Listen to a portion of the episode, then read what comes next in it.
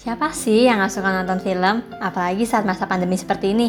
Paling enak ngisi waktu kosong sambil maraton drama Korea. Eits, tunggu dulu. Teman-teman jangan lupa sama episode lalu ya, di mana kita harus menggunakan mata kita dengan bijaksana. Karena mata kita ini dapat menjadi sarana utama yang membawa kita jatuh ke dalam hawa nafsu. Perlu kalian ketahui, hawa nafsu itu bukan saja dapat merusak diri kita, tapi juga merusak pernikahan dan bahkan masyarakat loh. Lebih parahnya lagi, hawa nafsu itu mampu membawa kita jatuh ke dalam dosa dan kita harus menanggung akibat dari perbuatan dosa itu. Coba ingat deh kisah Daud yang jatuh ke dalam dosa hawa nafsu, yang membuat Daud berzina, bahkan sampai membunuh Uria.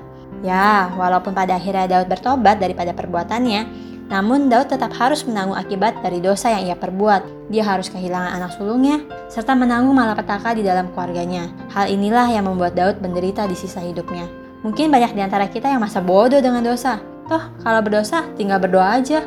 Minta ampun sama Tuhan. Beres dong. Tapi guys, yang perlu kita garis bawahi di sini adalah akibat dari perbuatan dosa kita. Walaupun kita sudah bertobat dan Allah mengampuni, tetapi akibat dari dosa itu harus kita tanggung. Well, masih mau coba-coba menuruti hawa nafsu kita? Mau menanggung akibat dari dosa? Jangan lupa, di dalam 2 Timotius pasal 2 ayat 22 tertulis, Sebab itu jauhilah nafsu orang muda, kejarlah keadilan, kesetiaan, kasih dan damai bersama-sama dengan mereka yang berseru kepada Tuhan dengan hati yang murni.